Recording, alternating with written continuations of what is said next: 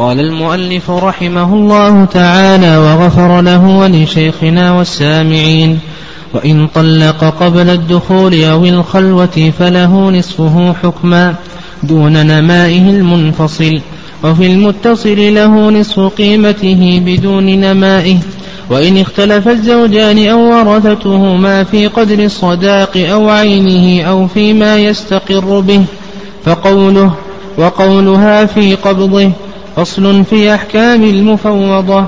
يصح تفويض البضع بأن يزوج الرجل ابنته المجبرة أو تأذن امرأة لوليها أن يزوجها بلا مهر. وتفويض المهر بأن يزوجها على ما يشاء أحدهما أو أجنبي فلها مهر المثل بالعقد ويفرضه الحاكم بقدره بطلبها وإن تراضيا قبله على مفروض جاز ويصح إبراؤها من مهر المثل قبل فرضه ومن مات منهما قبل الإصابة والفرض ورثه الآخر ولها مهر نسائها وإن طلقها قبل الدخول فلها المتعة بقدر يسر زوجها وعسره ويستقر مهر المثل بالدخول وإن طلقها بعده فلا متعة. تقدم لنا ما يتعلق بشرط شيء من المهر وأن ذلك ينقسم إلى قسمين. القسم الأول أن يكون المشترط هو الأب فهل له ذلك أو ليس له ذلك؟ إلى آخره وأن أهل العلم اختلفوا في ذلك على قولين وذكرنا هذين القولين ودليل كل قول. والقسم الثاني أن يكون المشترط غير الأب كالجد والأم والأخ والعم ونحو ذلك فهل له أن يشترط إلى آخره؟ ذكرنا أن الصواب في هذه المسألة أنه ليس له أن يشترط شيئا. كذلك أيضا تقدم لنا متى تملك المرأة صداقها وأنها تملك صداقها بالعقد. ذلك حديث الواهبة. وفيه قول النبي صلى الله عليه وسلم إن أصدقتها إزارك جلست ولا إزار لك. كذلك أيضا كذلك أيضا تقدم لنا ما يتعلق بتعيين المهر وأنه ينقسم إلى قسمين. القسم الأول أن يكون المهر معينا والقسم الثاني أن يكون غير معين وما يترتب على ذلك من أحكام. ثم بعد ذلك قال المؤلف رحمه الله في درس اليوم وإن طلق قبل الدخول أو الخلوة فله نصفه حكما دون الماء. قول المؤلف رحمه الله قبل الدخول أو الخلوة الأحسن أن يقول المؤلف قبل تقرر الصداق أو قبل ما يستقر به الصداق لأن الصداق يتقرر يعني يجب كله للمرأة بالدخول أو الخلوة أو كما قال الإمام أحمد رحمه الله تعالى إذا استحل منها ما لا يحل لغيره و وسيأتينا إن شاء الله ما يتقرر به الصداق. بمعنى متى يثبت جميع الصداق للمرأة ومتى لا يثبت. فإذا حصل شيء من الدخول أو الخلوة كما سيأتينا أو استحل منها ما لا يحل لغيره أو وكذلك أيضا يتقرر الصداق بالموت إلى آخره فإذا حصل شيء من ذلك فإن المرأة فإن المهر كله يثبت للمرأة. المهم هنا لم يتقرر الصداق.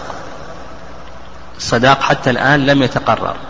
فطلقها قبل تقرر الصداق فيقول المؤلف رحمه الله له نصف حكما يعني قهرا. فإذا طلق وقد سمى لها مهرا فإن هذا المهر يدخل في ملك الزوج قهرا عليه كالميراث. يدخل قهرا عليه كالميراث بغير اختياره. وهذا هو المشهور من مذهب الإمام أحمد رحمه الله تعالى وكذلك أيضا هو قول المالكية.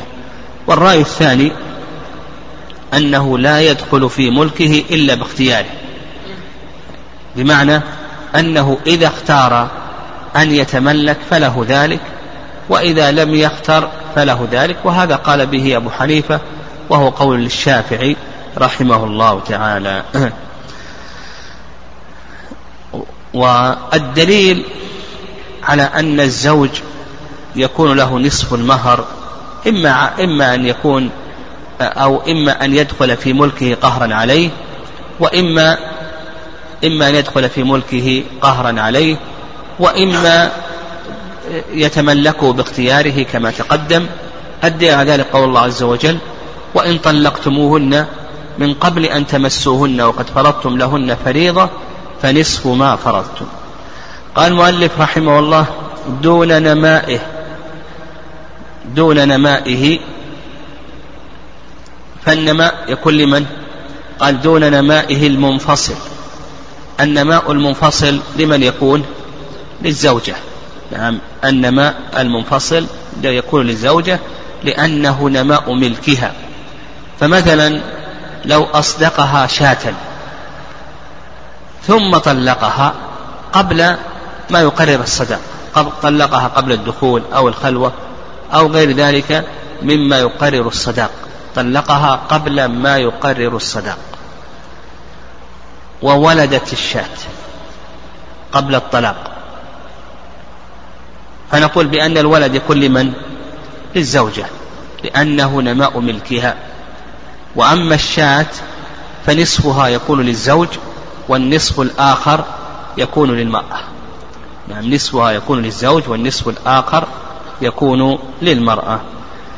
قال المؤلف وفي المتصل له نصف قيمته بدون نماء هذا القسم الثاني من قسمي النماء النماء المتصل.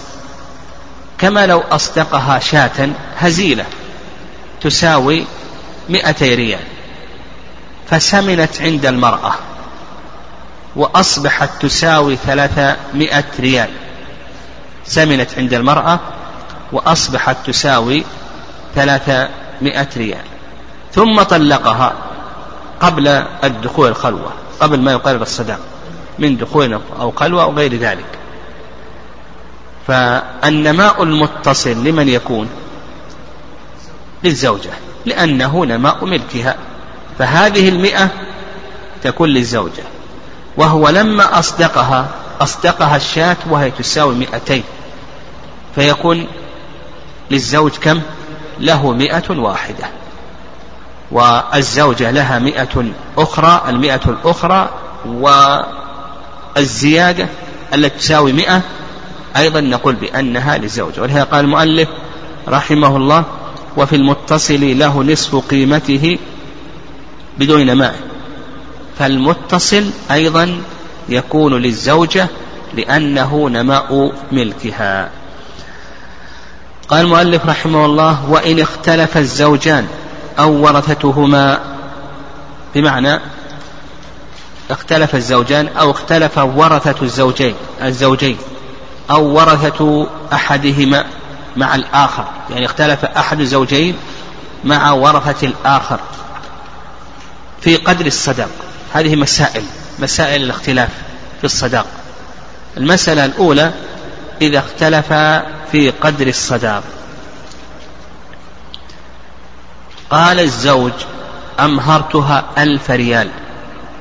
قالت الزوجة بل المهر الفارية الزوجة تقول المهر ألف ريال والزوج يقول المهر ألف ريال فما القول قوله؟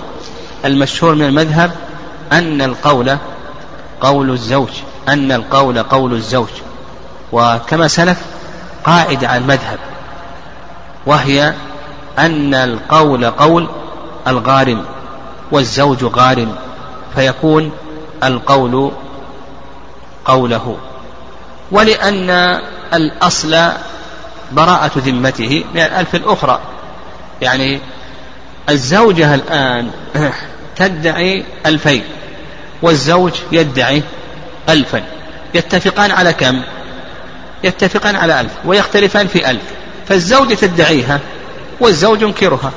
والقاعدة اليمين على من أنكر اليمين على المدعي آه، البينة على المدعي واليمين على من أنكر. فنقول للزوجة لتدعي الألف الأخرى. أعطينا البينة. البينة على المدعي واليمين على من أنكر. هذا هو المشهور من مذهب الإمام أحمد رحمه الله تعالى. والرأي الثاني الرأي الثاني أن القول قول مدعي مهر المثل. الذي يدعي مهر المثل فالقول قوله. لأن هذه قرينة. قرينة تدل على صدقه. وهذه قاعدة سبقا أن ذكرنا ذكرناها لكم. إذا حصل اختلاف فإننا نرجع إلى ماذا؟ نرجع إلى البينات. كان هناك بينات. إذا لم يكن يعني شهود. إذا لم يكن فنرجع إلى ماذا؟ القرائن.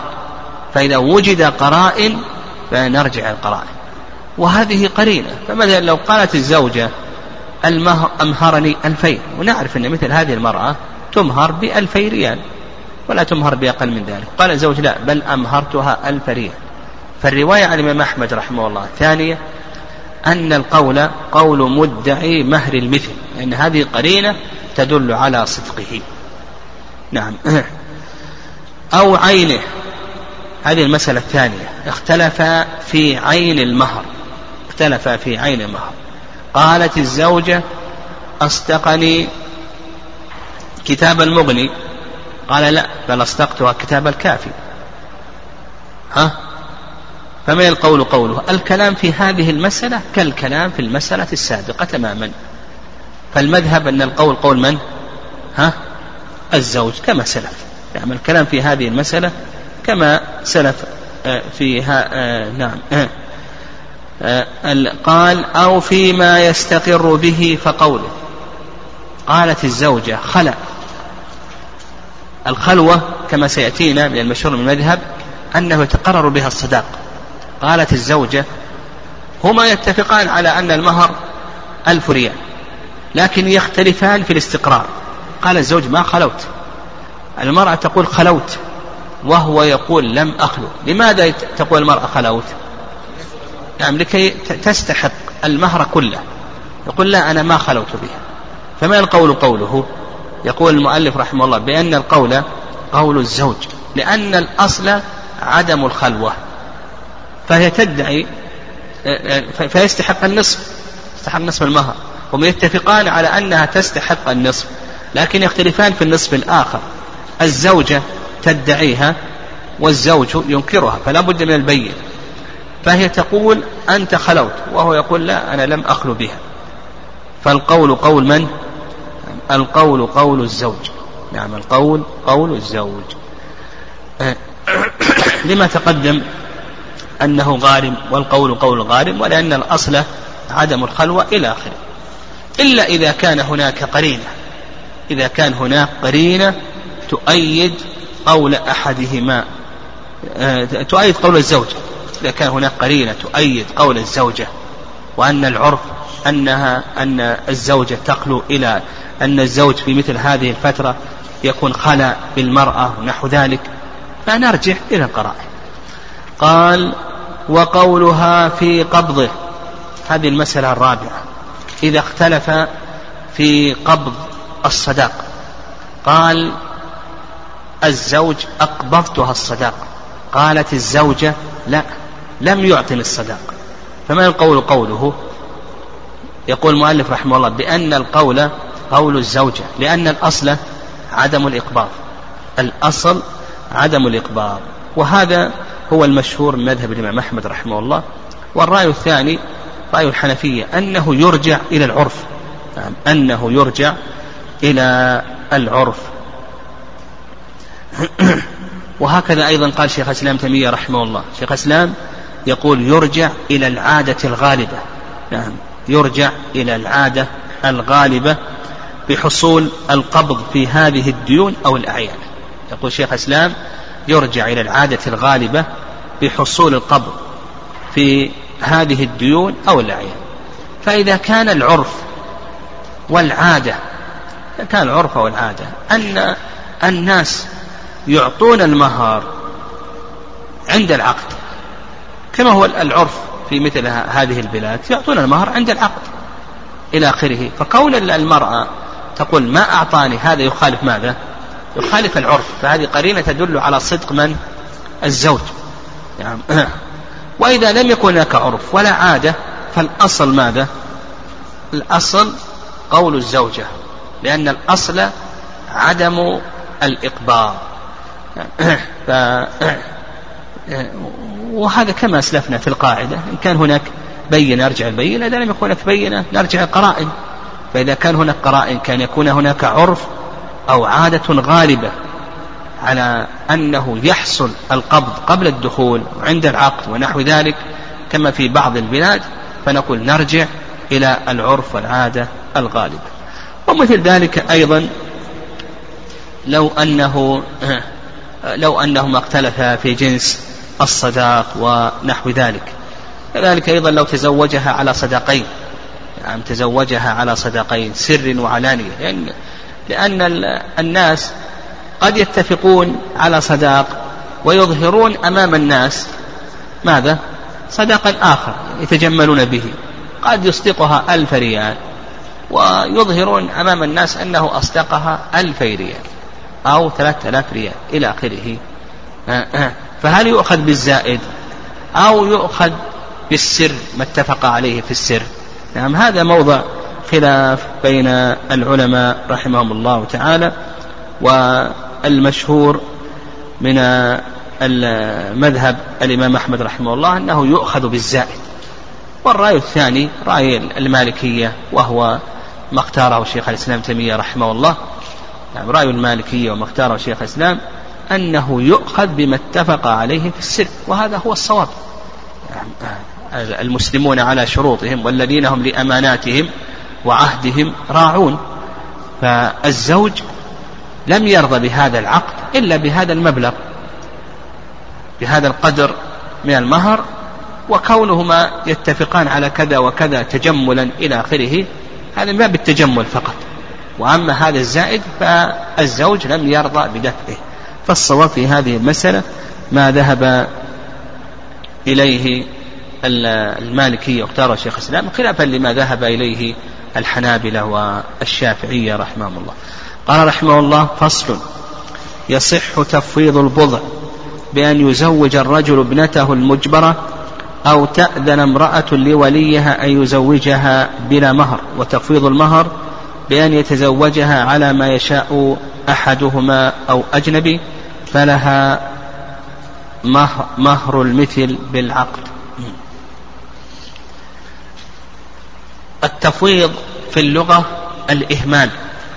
التفويض في اللغة الإهمال.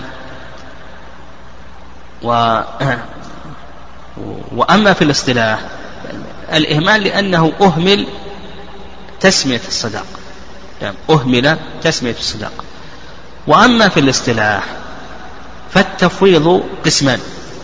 القسم الأول تفويض البضع والقسم الثاني تفويض المهر والتفويض قسمان.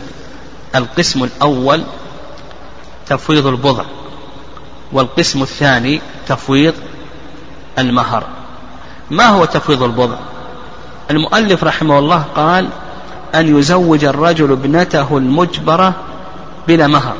له صورتين المؤلف ذكر لتفويض البضع صورتين الصورة الأولى أن يزوج الرجل ابنته المجبرة. وقوله المجبرة ها هذا تقدم الكلام عليه. أين نعم. هذا تقدم على الكلام عليه في شروط النكاح في شروط صحة النكاح. وأن البكر المكلفة البالغة هذه تجبر على النكاح وأنه لا يعتبر رضاها فالمجبرة هي التي لا يعتبر إذنها ورضاها. كالبكر البالغة العاقلة إلى آخره المشهور من المذهب أنها مجبرة وأنه لا يعتبر إذنها ولا رضاها. فأن يزوج الرجل ابنته المجبرة بلا مهر هذه الصورة الأولى. الصورة الثانية من صور تفويض البضع أو تأذن امرأة أو تأذن المرأة لوليها أن يزوجها بلا مهر كما لو كانت غير مجبرة تأذن لوليها أن يزوجها بلا مهر وش معنى ذلك؟ وش معنى ذلك؟ أن يزوج امرأته ابنته المجبرة بلا مهر أو تأذن المرأة لوليها يعني المرأة غير المجبرة تأذن لوليها أن يزوجها بلا مهر. معنى ذلك عدم تسمية المهر.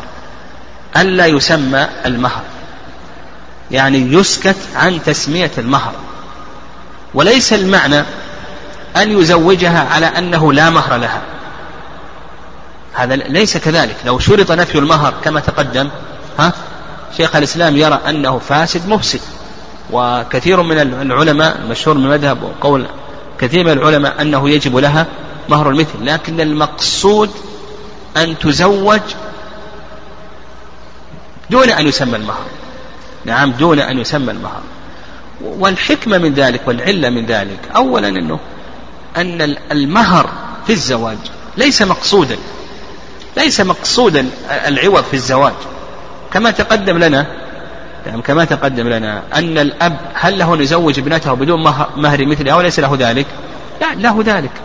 لأن العوض والربح في المهر في, في لأن العوض والمال في النكاح ليس مقصودا بذاته. النكاح لا يقصد منه الكسب والعوض والربح وإنما يقصد منه تحقيق مصالح النكاح الكثيرة.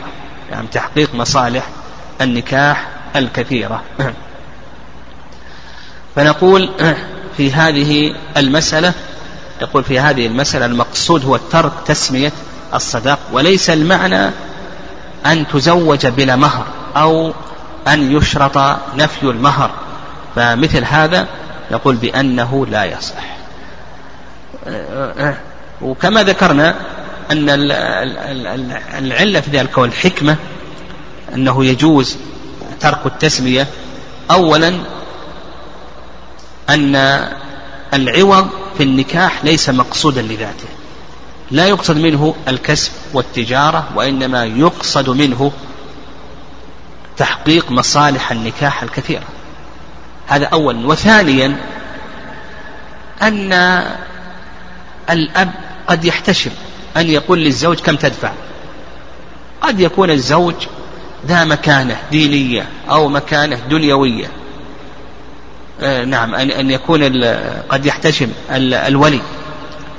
قد يحتشم الولي. أن يقول للزوج كم تدفع قد يكون الزوج ذا مكانة دينية أو دنيوية ويخطب منه زوجه دون أن يقول كم تدفع إلى آخره. أو أو ال ال نعم. فقد يحتشم الولي أن يطلب من الزوج قدرا من المال. فيزوجه. فهذا يسمى ماذا؟ تفويض ماذا؟ تفويض المهر. تلخص لنا أن تفويض المهر تحته صورتان. ذكرنا الحكمة وسيأتينا إن شاء الله ما يتعلق بالأحكام المترتبة عليه. طيب القسم الثاني تفويض البضع. ما هو تفويض البضع؟ قال لك أن يتزوجها على ما يشاء أحدهما أو أجنبي. ها؟ كيف؟ الأول البضع يعني تفويض المهر. الأول البضع والثاني تفويض المهر. تفويض المهر قال المؤلف بأن يتزوجها على ما يشاء أحدهما أو أجنبي. يعني يفوض فرض الصداق إلى رضا أحد الزوجين أو غير الزوجين أو غير الزوجين. فمثلا قد يقول الولي للزوج كم تدفع أو كم المهر؟ فيقول الزوج ما تريد الزوجة. ما تريد الزوجة. أو يقول الولي للزوج ما تريد أن تدفعه أعطنا إياه. فوض الأمر إليه. أو أجنبي يعني غير الزوجين والولي. فمثلا يقول الولي للزوج كم تدفع؟ يقول ما تريد أمها. اللي تفرض أمها أنا راض به. أو ما يريد جدها ونحو ذلك. هذا الأجنبي. الأجنبي من عدا الزوجين والولي. فإذا فوض فرضه إلى الولي أو أحد الزوجين هذا غير أجنبي. إذا فوض فرضه إلى غير الزوجين والولي هنا فوض فرضه إلى أجنبي. والعلة في ذلك يعني العلة في ذلك أنه, أنه كما ذكرنا أولا أنه أن العوض في النكاح ليس مقصودا لذاته كما سلف. وثانيا ثانيا أن الزوج قد يكون راغبا في الزواج من هذه المرأة. فيقول ما تشاء المرأة. ما تشاء أنت أيها الولي. ما تشاء أمها إلى آخره. هذا بالنسبة لما يتعلق بتفويض المهر. فتلخص لنا أن تفويض البضع تحته صورتان. وأما تفويض المهر فهو أن يفوض فرض المهر إلى أحد الزوجين أو أجنبي. إلى أحد الزوجين أو أجنبي. هذا التفويض نعم هذا التفويض. تحته أحكام. قال لك المؤلف رحمه الله تعالى بأن يتزوجها على ما يشاء أحدهما أو أجنبي فلها مهر المثل بالعقد. أولا حكم العقد. الحكم الأول من الأحكام المترتبة على هذا التفويض نقول الحكم الأول أن العقد صحيح. يعني الحكم الأول أن العقد صحيح. ويدل لذلك قول الله عز وجل لا جناح عليكم إن طلقتم النساء ما لم تمسوهن أو تفرضوا لهن فريضة. قال لا جناح عليكم إن طلقتم النساء ما لم تمسوهن أو تفرضوا لهن فريضة. قال أو تفرضوا لهن فريضة. هذا يدل على أنه لا بأس أن يتزوج المرأة وهو لم يفرض لها مهرا. وكما تقدم حيث عبد الله بن مسعود رضي الله تعالى عنه في قصة بروة بنت واشق رضي الله تعالى عنها وأن النبي صلى الله عليه وسلم قضى لها أن زوجها توفي عنها ولم يفرض لها صداقا. فقضى لها النبي صلى الله عليه وسلم بصداق نسائها وعليها العدة وترث. نعم عليه. وبمثل هذا قضى بن مسعود رضي الله تعالى عنه. فنقول القسم الثاني الحكم الأول كما سلف نقول بأن هذا العقد صحيح. طيب الحكم الثاني قال ولها مهر المثل بالعقد. هذا الحكم الثاني أنه يجب لها مهر المثل. يجب لها مهر. مثلا في تفويض المهر قال الزوج ما تريد المرأة؟ وعقدوا النكاح. لم تم العقد؟ قالت المرأة أريد مئة ألف. ها؟ ومهر المثل لها كم؟ عشرة آلاف. كم نعطيه عشرة آلاف. ما لها إلا عشرة آلاف. قالت هي أنا أريد مئة ألف. نقول لها مهر المثل. أو مثلا قالت أمها نريد مئة ألف. نقول ليس لك إلا مهر المثل. كم مهر المثل؟ مهر المثل عشرة آلاف ريال. واضح؟ أه. فنقول يجب لها مهر المثل. وهذا نعم دليله كما سلف حديث عبد الله بن مسعود رضي الله تعالى عنه وأن النبي صلى الله عليه وسلم فرض للمفوضة مهر نسائها فرض لها مهر نسائها. قال ولها مهر المثل بالعقد أيضا الحكم الثالث أن لها أن تطلب فرضه. أن لها أن تطلب فرضه. يعني للزوجة أن تطلب فرضه. وسيأتينا إن شاء الله من يفرضه قال ويفرضه أي مهر ويفرضه الحاكم بقدره نعم. إيه، يفرضه الحاكم بقدر يعني بقدر مهر المثل. يفرض الحاكم مهر المثل. هذا الحكم الرابع. من الذي يتولى فرض المهر في باب التفويض أو في المفوضة؟ الذي يتولى فرضه من هو؟ الحاكم القاضي. وعلى هذا نرجع إلى القاضي لكي يقوم بفرض الصداق. لأنه يحتاج إلى اجتهاد. يعني يحتاج إلى اجتهاد. هل هو عشرة آلاف؟ هل هو تسعة؟ من التي تماثلها؟ كما سيأتينا إن شاء الله. يعني من هي المرأة التي تماثلها من نسائها؟ كما سيأتينا إن شاء الله. فيحتاج إلى اجتهاد القاضي. فنرجع إلى القاضي. وسبق أن ذكرنا كلام شيخ الإسلام تيمية رحمه الله في هذه المسألة. ماذا قال شيخ الإسلام في هذه المسألة؟ ها؟ لا يرجع. صح. يعني شيخ الإسلام تيمية رحمه الله يقول في مثل هذه الفسوخات إن اتفق الزوجان فلا حاجة إلى الحاكم لو أن الزوجين اتفقا على أن مهر المثل يساوي عشرة آلاف يقول لا حاجة إلى القاضي لكن لو اختلف هذا القسم الثاني أن يختلف في مهر المثل فيقول الزوج مثلا يساوي ألفا أو يقول يساوي عشرة. وتقول الزوجة يساوي أكثر من ذلك. فهنا نحتاج إلى أن نرجع إلى القاضي. نحتاج إلى أن نرجع إلى القاضي.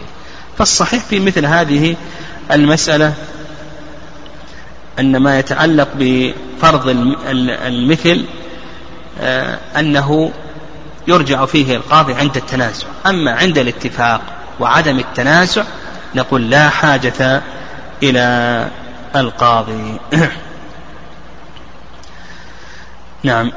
قال المؤلف طيب.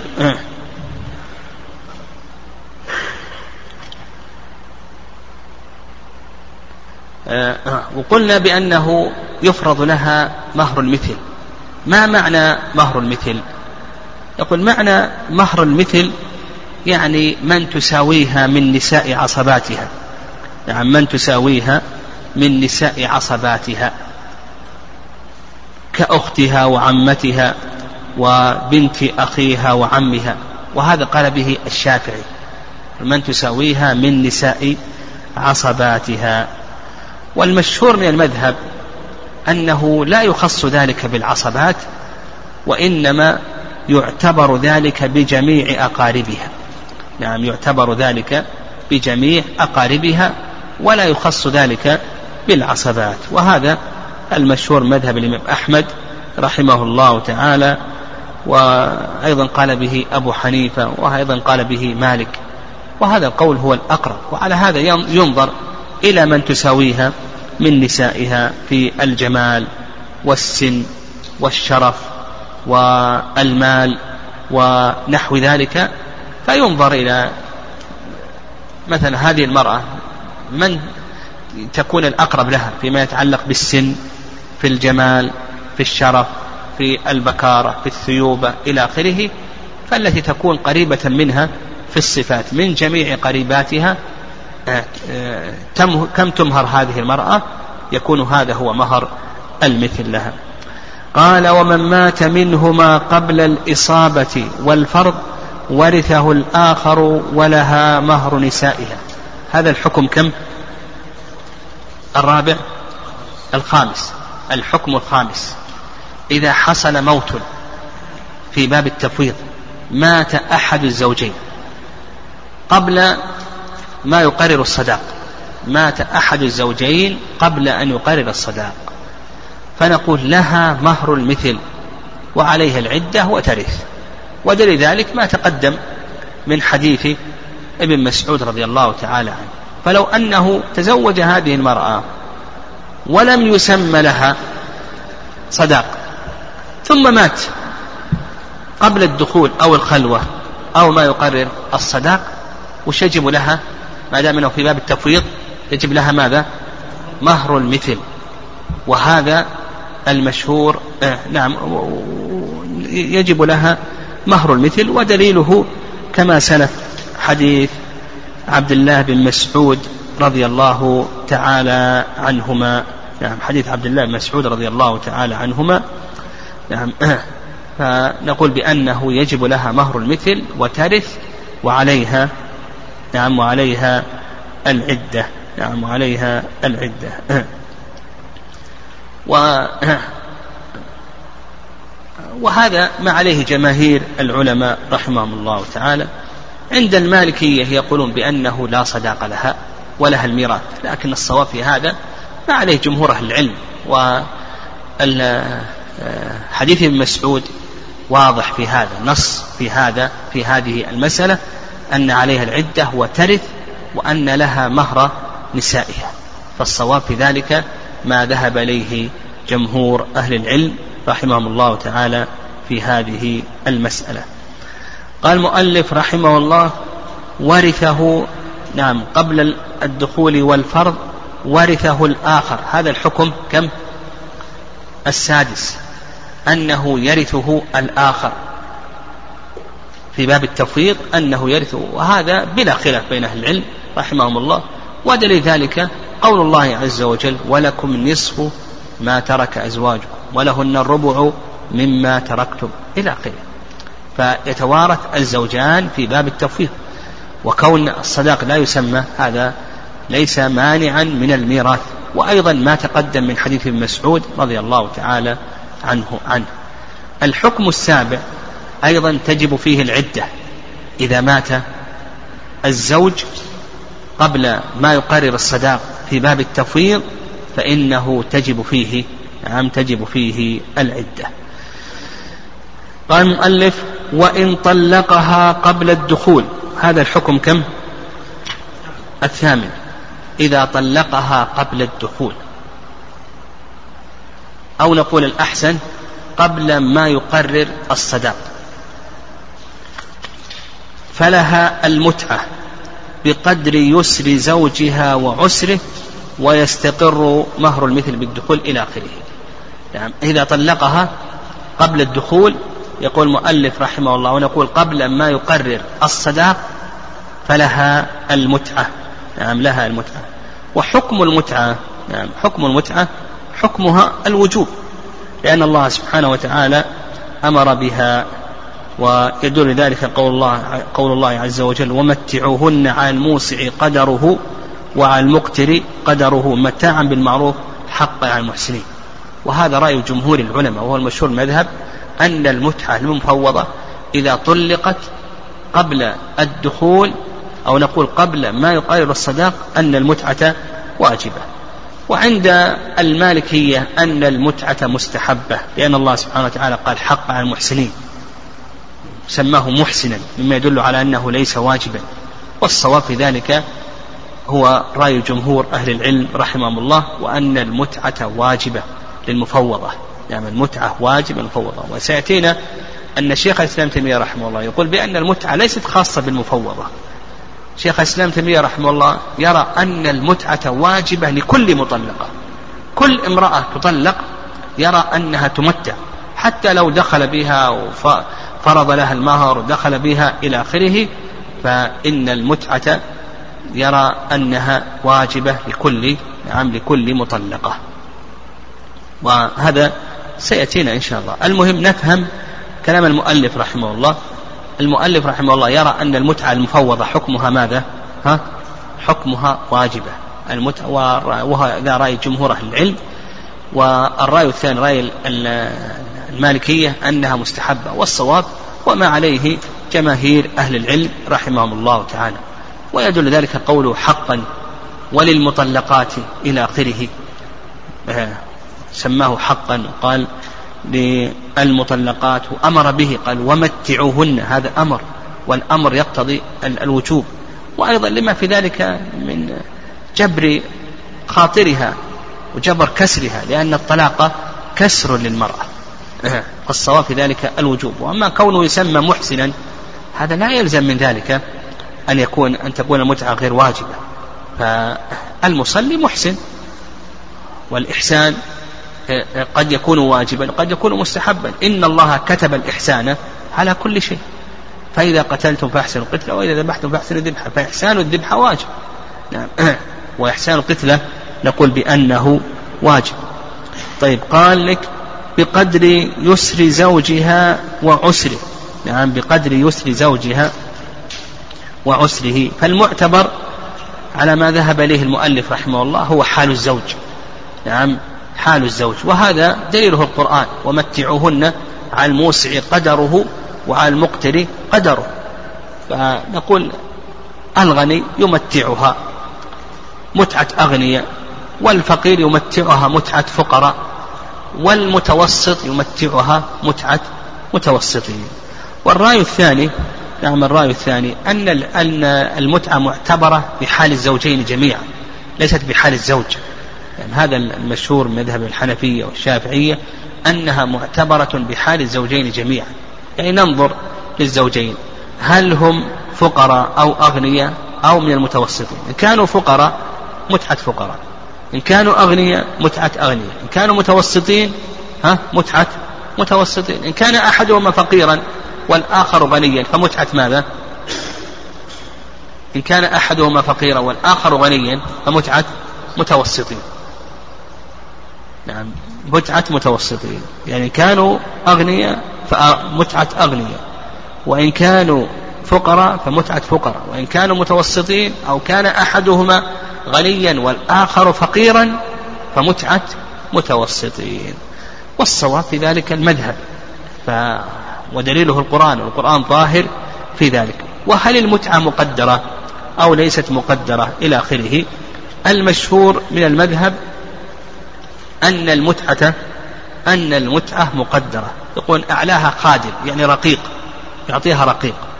وأدناها كسوة تجزئها في صلاتها. أعلاها خادم يشتري لها خادم هذا كان في الزمن السابق آه، السالف آه، لما كان الرقة يباعون. أما الآن ما فيها رقة يباعون. فيقول أعلاها خادم وأدناها أقلها كسوة تجزئها في صلاتها. والرأي الثاني أنها غير مقدرة ما تقدر بالرقيق أو بالثياب أو نحو ذلك لأن الله سبحانه وتعالى ما قدرها ولأن هذا هو الوارد عن الصحابة رضي الله تعالى عنهم كعبد الرحمن ابن عوف وابن عباس وابن عمر والحسن إلى آخره. الصواب الوارد عن الصحابة رضي الله تعالى عنهم أن المتعة غير مقدرة كعبد الرحمن بن عوف كذلك أيضا ابن عمر بن عباس والحسن بن علي رضي الله تعالى عنهم. والصحيح في ذلك أن نقول بأن المتعة ماذا؟ ها؟ أنها غير مقدرة. هذا الصواب. نعم الصواب في ذلك أن المتعة لا تقدر وإنما كما قال الله عز وجل على الموسع قدره وعلى المقتر قدره فإذا كان الزوج غنيا مثلا نقول مثلا قد تكون المتعة له عشرة آلاف. إذا كان فقيرا قد تكون المتعة ألفين. قد تكون المتعة ألفين. إن كان متوسطا تكون المتعة خمسة وهكذا تختلف بغنى الزوج وفقره. قال المؤلف رحمه الله ويستقر مهر المثل بالدخول. هذا هذا كم؟ ها؟ التاسع. نعم بالدخول. نعم. وهذا دليله حديث عائشة رضي الله تعالى عنها. يعني إذا دخل بها أو قبل ذلك القرآن وهذا باتفاق الفقهاء أن مهر المثل يستقر بالدخول. وإن كان المهر يعني إن كانت غير مفوضة والمهر مسمى يستقر أيضا بأي شيء؟ بالدخول. ودليل ذلك قول الله عز وجل وإن طلقتموهن من قبل أن تمسوهن وقد فرضتم لهن فريضة فنصف ما فرضتم قال وإن طلقتموهن من قبل أن تمسوهن فيفهم من ذلك أنه إذا حصل المسيس ماذا؟ يجب ماذا؟ يجب المهر كله إذا حصل المسيس. أما إذا لم يحصل المسيس فإنه يجب نصف المهر. طيب ويدل لذلك أيضا حديث عائشة رضي الله تعالى عنها أن النبي صلى الله عليه وسلم قال ولها المهر بما استحل من فرجها. ولها المهر بما استحل من فرجها. هذا الأمر الأول مما يحصل به ماذا؟ تقرر الصداق بما يتقرر به الصداق. الأمر الأول الدخول. الأمر الثاني الخلوة إذا حصلت خلوة. والخلوة موضع خلاف بين العلم رحمه الله. هل يتقرر بها الصداق؟ أو نقول بأن الصداقة لا يتقرر بها. هذا موضع خلاف. المشهور من مذهب أحمد رحمه الله تعالى وكذلك أيضا مذهب أبي حنيفة أن الخلوة يتقرر بها الصداق. وعلى هذا إذا خل بها وجب المهر كاملا. يعني وجب مهر المثل إن كانت مفوضة ووجب المسمى إن كانت غير مفوضة. إذا كان سمي لها غير مفوضة وجب المسمى كاملا. وإن كانت مفوضة يجب لها ماذا؟ مهر المثل واستدلوا على ذلك بقول الله سبحانه وتعالى وقد أفضى بعضكم إلى بعض وقالوا بأن هذا هو الوارد عن الصحابة رضي الله تعالى عنهم. ورد عن عمر وعلي رضي الله تعالى عنهما أنه إذا أرخيت الستور وأجيفت الأبواب وجب المهر والعدة. إذا أرخيت الستور وأجيفت الأبواب وجب المهر والعدة. نعم. وهذا اسناده صحيح. أو ابن أبي شيبة والبيهقي وغيرهما اسناده صحيح. والرأي الثاني رأي الشافعية. يعني قالوا بأن الخلوة لا تقرر الصداق. نعم. الخلوة لا تقرر الصداق. واستدلوا على ذلك بظاهر الآية. وإن طلقتموهن من قبل أن تمسوهن. قال من قبل أن تمسوهن. والمراد بالمسيس ماذا؟ ها؟ الجماع. نعم المراد بالمسيس هو الجماع. قال وإن طلقتموهن من قبل أن تمسوهن. يعني ولكن نقول بأن هذا استدلال بالمفهوم. وما ورد عن الصحابة رضي الله تعالى عنهم استدلال بأي شيء؟ يعني بالمنطوق. يعني فالأقرب والله أعلم في ذلك ما ذهب إليه الحنابلة والحنفية وكذلك أيضا هو قول المالكي يعني قول أكثر أهل العلم أن الخلوة أنها تقرر الصداق وأنه إذا خلا بها نعم نقول بأن الصداقة يتقرر. طيب وما هي الخلوة المعتبرة؟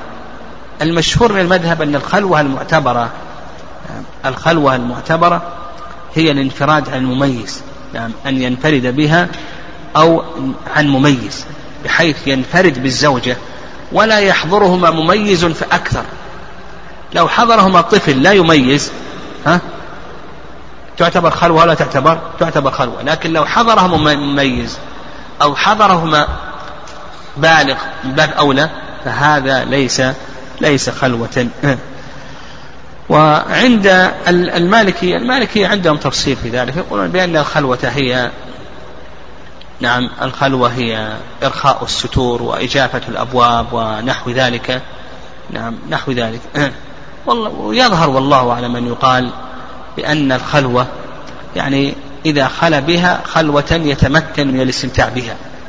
إذا خلا بها خلوة يتمكن من الاستمتاع بها فنقول بأنه تجب آه، أو يتقرر الصداق.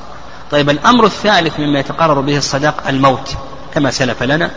فإذا مات أحدهما ولو قبل تسمية الصداق فإن المهر يتكر إن كانت مفوضة يتقرر مهر المثل وإن كانت مسمى لها ها يجب ماذا؟ يجب المسمى يجب المسمى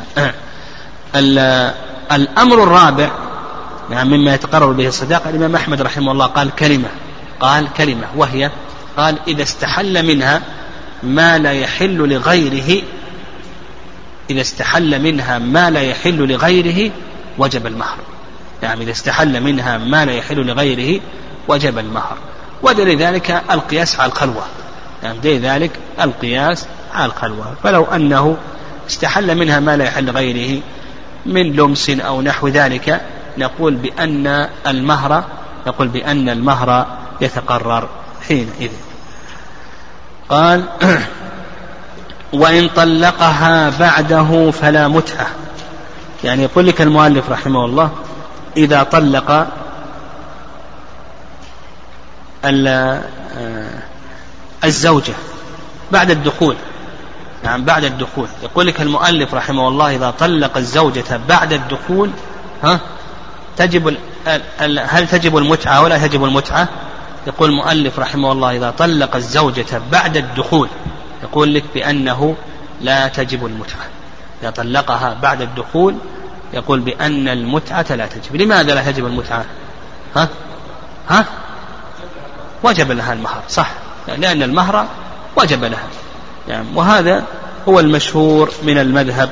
يعني هذا هو المشهور من المذهب وأنه لا يجب المهر إذا طلقها بعد الدخول أو نقول بعد ما يقرر الصداق لأن المهر تقرر لها الآن تقرر لها. وظاهر الآية نعم ظاهر الآية أنه في أن المتعة تجب حيث لا يجب المهر لأن الله سبحانه وتعالى قال ماذا قال؟ قال لا جناح عليكم إن طلقتم النساء ما لم تمسوهن أو تفرضوا لهن فريضة ومتعوهن. قال ما لم تمسوهن أو تفرضوا لهن فريضة. والرأي الثاني نعم الرأي الثاني أن المتعة واجبة لكل مطلقة. نعم الرأي الثاني أن المتعة واجبة لكل مطلقة. وهذا رأي شيخ الإسلام تيمية رحمه الله. حتى وإن كانت مدخولا بها وتقرر لها الصداق وأنجبت الأولاد وطلقها فإنه يجب عليه أن يمتعها. لقول الله عز وجل وللمطلقات متاع بالمعروف حقا. فقال الله عز وجل حقا. وقال أيضا سبحانه وتعالى على المتقين يعني مما يدل على أنه من عمل أهل التقوى إلى آخره. وهذا ولأنه جبر للكسر الذي يصيب المرأة نعم جبر لما يحصل على المرأة من كسر الطلاق. والله أعلم.